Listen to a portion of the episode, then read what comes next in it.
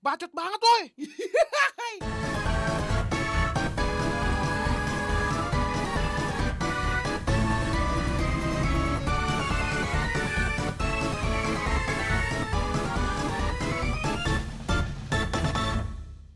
Baru ini loh gua apa namanya tahu ada piaraan yang namanya si monkey. Si si monkey apa monyet laut bukan si monyet bukan. Itu gua lihat eh, baca-baca tentang si monkey itu karena ya karena gua ngeliat Tora Sudiro punya piaraan yang namanya isopod. Isopod. Isopod itu sejenis kutu-kutu gitu ternyata ya. Kalau misalkan gua nonton-nonton lagi tuh Abang Tora Sudiro dia eh, miara isopod cuman buat dilihat-liatin doang emang emang bentuknya kutu doang banyak gitu kayak ya berkoloni banyak cepet beranak gitu. Aneh. Iya aneh. Bahkan dia sendiri ngomong kalau misalkan dia lagi ngeliatin piaranya itu sama Teh Mika ya emang kayak orang udah nggak jelas. Gitulah. Emang kalau orang udah banyak duit itu apa aja dipakai gitu ya. Dan isopod itu ternyata hmm, dia adalah sejenis parasit juga kalau di pantai-pantai di laut-laut itu suka nempel-nempel di balik hmm, apa sisik udang. Gitu. Jadi ya lumayan berbahaya bagi orang-orang yang nggak tahu cara make makainya. Maksudnya nggak tahu itu gunanya untuk apa. Kalau selain buat piaraan emang ternyata dia parasit. Dan ya itulah apa namanya cerita gue selama pandemi ini. Selainnya masih part time part time siaran ya belajar. Jadi bahkan gue tahu si Mangki ini karena gua abis ngeliat orang lagi jalan-jalan sama piaraan-piaraannya. Dan gua rasa orang-orang piaraannya tuh gitu-gitu aja gitu kan. Nah gue liat tuh piaraan-piaraan unik apa? Ada yang namanya si monkey. Ternyata si monkey itu adalah uh, udang. Dia keluarga udang gitu. Keluarga udang keluarga udang. Brian Shrimp lah. Itu tuh penemuan dari seorang petinggi salah satu petinggi KKK lo tau KKK kan? Apa namanya? Yang organisasi races itu di Amerika sana yaitu Harold von Braun. Nah dia itu sebenarnya ada ituan ada ide buat bikin itu karena dia ngerasa pengen menciptakan kehidupan gitu ngeri. Emang Brian Shrimp itu sebenarnya dia adalah hewan cryptobiosis cryptobiosis itu kripto kalau gue cari-cari di Google ya kripto itu adalah rahasia biosis itu adalah kehidupan kehidupan rahasia. Jadi ya mirip-mirip piaraannya sugar daddy gitulah yang di apartemen-apartemen Kalibata gitu. Kehidupan yang rahasia walaupun kalau isopod harus eh isopod jadinya. Kalau si monkey itu harus dimasukin ke air dulu didiemin 24 jam baru pada tumbuh tuh banyak. Ya gitulah. Modelnya emang kayak hmm, udang. Kenapa disebut si monkey karena dia udah me, apa namanya udah nyari banyak banget nama-nama.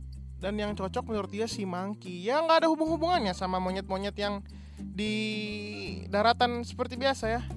Itu nggak ada ngaruh-ngaruhnya. Ternyata ya emang namanya aja sesuka-suka dia gitu. Itu yang gue pelajarin. Jadi menurut gue mau lagi di mana pun kita bisa dapat insight loh ini aja. Uh, gue nemu-nemu kayak gini karena gara-gara ngeliat orang jalan-jalan piaraannya sama anjing-anjingnya sama kucing-kucingnya. Dan bokap gue ada namanya miara garangan men. Aduh ngaco lah. Garangan itu menurut gue sejenis musang yang agak serem. Cuman gara-gara udah dipiara sama bokap gue dari kecil dia jadi seperti kucing gitu nurut tiduran. Nggak ada galak-galaknya bahkan ngegigitnya aja ya kayak kucing-kucing lebih mungkin lebih sakit kucing sih. Menurut gue ya gitu ya dan selama masa pandemi ini orang-orang banyak ngomong belajar, belajar, belajar seperti gue. Tapi orang banyak ngomongnya kalau misalnya lu nggak bisa belajar apa-apa, belajarlah bersyukur. Ini menurut gue yang paling bullshit di masa-masa ini adalah ya ini belajar bersyukur ini gitu. Karena banyak orang yang kita lihat lebih epic efeknya ke mereka ya tapi kalau misalkan kita mau ngeluh ngeluh aja gitu. Masa kita harus ngeliat orang yang di bawah dulu baru kita bisa tenang? Berarti tandanya ada yang salah men. Kalau misalnya kayak gitu. Kalau kita belajar bersyukur karena contohnya gara-gara ada orang yang lebih parah keadaannya dari kita. Itu berarti ada yang salah ya dari diri kita ya. Menurut lo gimana? Iya. Menurut gue seperti itu loh. Kalau misalkan kita pengen bersyukur ya bersyukur aja tanpa ada apa-apa karena emang kelapangan hati kita gitu kalau menurut gue. Itu akhirnya yang gue pelajari dari dari yang namanya bersyukur. Memang awalnya emang gue seperti itu juga basicnya adalah kalau ngeliat orang yang lebih hmm, susah dari gue gue akan merasa lebih tenang dan merasa lebih bersyukur. Itu sebenarnya nggak boleh gitu ya. Ekstrim yang kayak gitu gitu malah menurut gue yang bahaya yang seperti itu. Masa harus ngeliat orang itu dulu baru lo bisa bersyukur kan? Gila. Terus namanya bersyukur berarti kan lo tandanya ya mungkin ada juga yang orang yang bersyukur karena dirinya sendiri. Cuman kalau basic dari gue karena beruntung gue dilahirkan di apa namanya di keluarga dan lingkungan yang masih percaya adanya Tuhan gitu. Kalau misalkan enggak gue bingung deh. Kadang-kadang karena curhat-curhat ke orang cerita-cerita ke orang bahkan orang tersebut pun punya masalah yang nggak bisa dia selesaikan sendiri kenapa kita cerita lagi tentang masalah kita? Apakah dia akan tulus untuk memberikan uh, apa namanya solusi atau petunjuk-petunjuk dari dia yang seakan-akan mereka itu lebih ahli gitu? Tapi yang menurut gue gue bercerita aja kepada Tuhan yang gue sembah. Dan itu mungkin menurut gue dapat jawaban yang mulai-mulai kecenderungan yang namanya mulai mikir sendiri. Mungkin itu yang gue anggap sebagai jawaban dari yang maha esa yang gue sembah ya. Dan kadang-kadang juga gue masih ngerasa ragu gitu. Katanya kan ya di semua agama mungkin kalau kita ngomong kalau minta ke Tuhan lo itu pasti bakal dikasih. Walaupun emang dikasihnya itu nggak langsung ya. Dan gue masih beruntung karena Tuhan itu nggak ngasih langsung apa yang kita minta. Kalau misalkan Tuhan ngasih langsung apa yang kita minta ya, jatuhnya kayak Doraemon sama Nobita. Lu bayangin Doraemon sama Nobita nih ya. Nobita sekolah dibully Giant, dibully Suneo, nangis baliknya, ngadu sama Doraemon. Dikasih yang entah kenapa, tiap hari itu alatnya beda-beda tapi masalahnya sama. Itu dibully lagi sama Giant dibully lagi sama Suneo atau emang lagi cemburu aja sama Shizuka? Yang jalan sama siapa tuh temen cowoknya itu yang lebih menarik menurut Shizuka ya. Nah itu adalah uh, hal yang sangat mustahil bagi gue percaya kalau misalkan Tuhan akan ngasih langsung. Nah kalau misalkan Tuhan ngasih langsung jatuhnya ke Doraemon dan Nobita. Dan masalahnya akan nggak berhenti sampai situ nah Doraemon ngasih barang ke Nobita. Nobita pakai Nobita seneng tapi ujung-ujungnya apa? Doraemon lagi yang harus menyelesaikan masalah. Karena mungkin Nobitanya overuse gitu. Menggunakan tidak sesuai apa yang dia uh, pengen. Misalkan cuman pengen sekedar bikin Giant sedih. Nah dia suka over suka kepake lebih sama Nobita tuh kayak tiba-tiba orang ini kena efek orang itu kena efek sekampung kena efek bahkan nyokap bokapnya kadang-kadang suka kena efek kan. Nah itu mungkin gara-garanya kita harus belajar untuk meminta kepada siapa pun bukan sekedar dari emosi.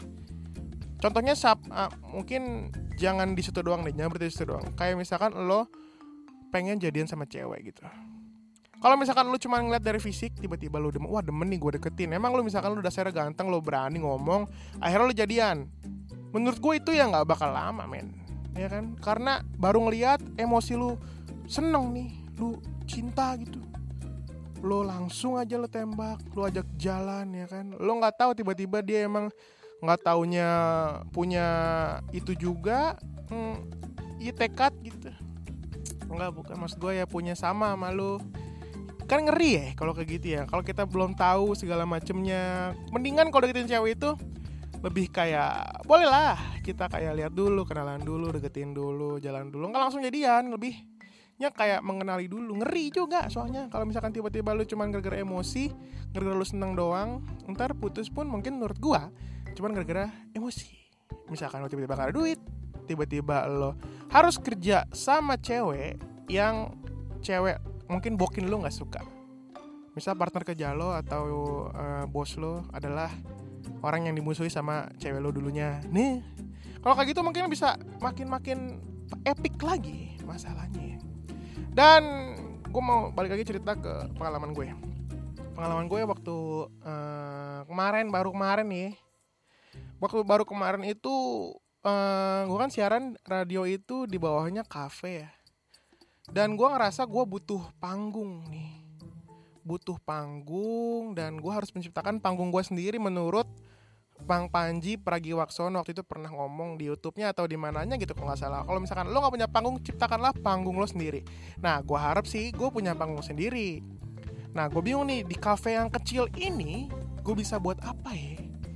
Nah, gue pikir kalau misalkan akustikan itu udah biasa aja di mana-mana kafe pun akustikan. Kebenaran gue di Bogor. Nah, di Bogor itu belum ada yang namanya live karaoke kayak Duck Down dan kayak uh, kakak-kakak Reza. Pokoknya anak-anak Jaksel and the Gang lah. Gitu. Belum ada di Bogor. Nah gue mau menciptakan itu karena menurut gue tanpa alat-alat yang terlalu keren juga misalnya kayak harus pakai DJ booth segala macam kayaknya pakai laptop pun cukup. Mixer sound terus proyektor layar ya itu cukup sih menurut gue nah gue ajukanlah ke ownernya karena si ownernya itu ya mungkin butuh juga namanya uh, engagement dari para pembeli-pembeli atau warga-warga Bogor ya. Jadi gue bilang gue ada ide gini gini gini gini. Nah sementara mereka itu eh, nggak uh, ngerti apa yang namanya live karaoke. Gue jelasin gue kasih tahu nih instagramnya duck down gue kasih tahu youtube-nya gimana gini konsep. Jadi live Instagram eh live Instagram live karaoke aja cuman modalnya ini ini ini. Gue kasih tau gitu doang gampang. Terus dia bilang oke okay, deal kapan? segala macam oke. Okay. nah di radio gue itu eh nggak langsung ke uh, yang bikin acaranya itu. Nah gue butuh kan tuh yang namanya orang yang ngerti ngerti acara segala macam kebenaran di radio gue itu tiap malam minggu gue punya acara namanya Local Heroes. Dia tuh interview acara gue itu interview komunitas-komunitas. Nah suatu hari gue menginterview komunitas adalah nggak mau gue sebutin ya. Uh, mereka itu adalah perkumpulan-perkumpulan anak-anak indie, band, akustik, segala macam dan io-io gitu. Mereka punya alat mikrofon segala macam. Pokoknya alat-alat yang mendukung lah tentang proyek gue yang pengen gue jalanin live karaoke ini. Nah tapi tapi setelah gue pertemukan sama mereka obrolannya enak nih nah nah nah nah nah nah nah nah, nah, nah segala macam dibahas bahas. Bahas tapi ternyata ownernya cafe di bawah ini demen banget sama namanya Panturas men. Cocok lah sama mereka indie-indie gitu. Sementara konsep gue adalah karaoke. Lagu-lagunya yang top 40 ya semuanya bisa orang-orang sing along ngobrol ngobrol ngobrol meeting meeting meeting dan jadi lah tuh kejadian hari itu. Dan ternyata konsepnya ah men akustik lagi lagunya lagu-lagu indie lagi. Gue jadi kayak akhirnya kan gue niatnya tuh gue mau bikin acara gitu karena gue pengen ngemsiin doang kan nyari panggung. Emang gue ada passion di situ asik. Passion di situ. Tapi akhirnya jatuhnya aku akustikan lagi hujan lagi sendu lagi. Akhirnya gue nggak ngemsil di situ. Gue gue ngelanjutin pisah tempat. Walaupun gue dateng tapi gue dengan dengan bagaimanapun caranya tidak akan menunjukkan bahwa gue kecewa dengan kondisinya ya. Tapi akhirnya acaranya berjalan lancar walaupun hujan-hujan. Dan itu kan acaranya indie ya. Lagu-lagunya yang uh, mungkin dari satu album yang bisa orang singlong cuman agak ada dah yang nyanyi cuman apa vokalisnya doang. Nah waktu itu kan acara di cafe ya. Banyak yang datang alhamdulillahnya banyak yang datang nah banyak yang datang itu pasti kan ada aja orang yang pengen request. Nah si abang-abang yang nge-request ini Doi itu nge-requestnya lagu Krispati Oke lah lagu Krispati sing along. Semuanya mungkin ya most of orang Indonesia yang mendengarkan dahsyat atau inbox yang besar karena denger dengerin radio lagu-lagu top 40 bakal bahkan bakal sing along. Tapi ternyata uh, dugaan gue salah lo plot twist loh kadang-kadang kan kita kalau nongkrong-nongkrong ada anak-anak ini suka dicengin ya kalau di tongkrongan gue Ih dasar lo anak indie lo gitu kan. Gimana sih maksudnya dengerin lagu lo gini-gini banget Gue gak ada yang ngerti. Tapi ternyata anak indie pun sama men. Dia tuh ngecengin abang-abang yang request lagu Krispati itu. Dan digibahin men Maksudnya abang-abang itu cabut. Terus MC-nya bilang gini tadi ada abang-abang malah nge lagunya Chris Ya gokil ya. Maksud gue dikira gue tuh tidak akan se kebalik gitu maksudnya nggak akan se do the same thing sama orang-orang yang tidak indie gitu loh. Ternyata ya sama aja. Aneh menurut gue yang kayak gitu-gitu. Ya walaupun kita saling mendiskriminasi tapi nongkrong tetap chill lah gitu maksud gue. Nah orang-orang yang mulai ngerasa dirinya indie itu menurut gue udah ngerasa dirinya keren nih. Walaupun ya sebenarnya mereka nyanyi sepi gitu nggak ada cuma nontonin doang entah apa yang mereka rasain gue pengen nyanyi aja nggak bisa. Bahkan tepuk tangan pun lo kalau nonton acara ini kalau gue sendiri ya di tempat itu di acara itu gue ngerasa canggung loh. Kayak prok prok tepuk tangan yang on beat on beat gitu gue takut loh takut dicengin sumpah loh. Jadi ya emang baru ngerasain gue namanya minoritas itu takut untuk bergerak bebas ya. Ya tapi lupakan masalah itu lah ya sudah terjadi juga dan dapat pelajaran juga gue ya kan? Dikira gue seperti ini tapi ternyata beda. Jadi namanya ngelihat langsung sama denger denger cerita doang itu sangatlah beda. Dapat lagi pelajaran gue jadi mau lagi di mana pun akan terus itulah apa namanya uh, dapat pelajaran gitu. Kehidupan lagi bahas kehidupan lagi.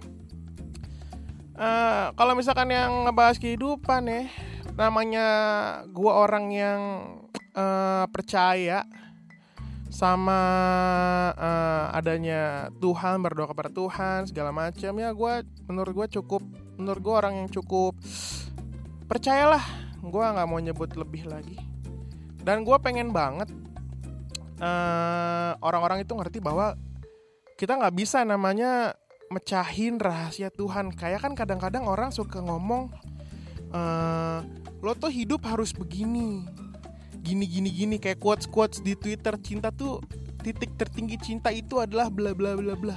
Titik tercinta itu adalah bla bla bla bla. Menurut si A begini, menurut si B begini, itu nggak akan bisa ketemu men. Kalau misalkan mereka berdua disatuin, itu clash. Yang ada debat. Karena apa? Lu ngebahas rahasia Tuhan men. Gila. Itu nggak bisa yang kayak gitu-gitu.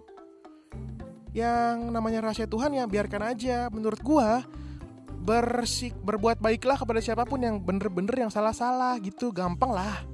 Ya kan? Kalau misalkan lo uh, misalnya berbuat baik nih nangkep maling tapi digebukin salah nggak salah ya jangan deh.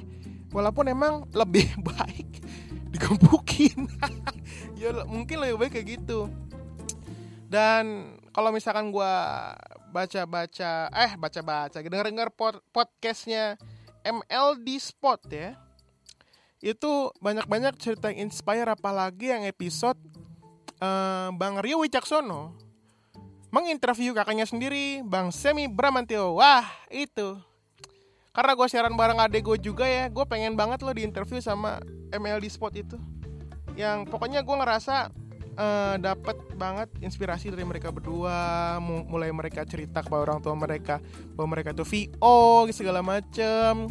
Ya itu keren banget sih menurut gue ya. Karena gue sama adek gue itu tidak terlalu satu jalan nih adek gue tuh indie sementara gue itu masih hidup di dunia yang fana ini. Jadi gue masih memikirkan memikirkan kemapanan nih. Hah. Jadi kalau misalkan lo ngeliat ML di spot itu gue bakal yakin lu sih bakal get yourself inspired by ML di spot itu sendiri. Dan itulah kehidupan men. Nggak usah bahas rahasia Tuhan. Dan yang gue hmm, bisa terima itu masih ada yang ngomong bahwa hid orang yang ngomong hidup itu bukan masalah perlombaan jadi jalanin aja apa yang lu bisa sekarang, lakuin yang terbaik. Itu gue percaya. Karena kalau hidup itu perlombaan bakal adil. Jadi wajar hidup nggak adil karena hidup itu bukan perlombaan.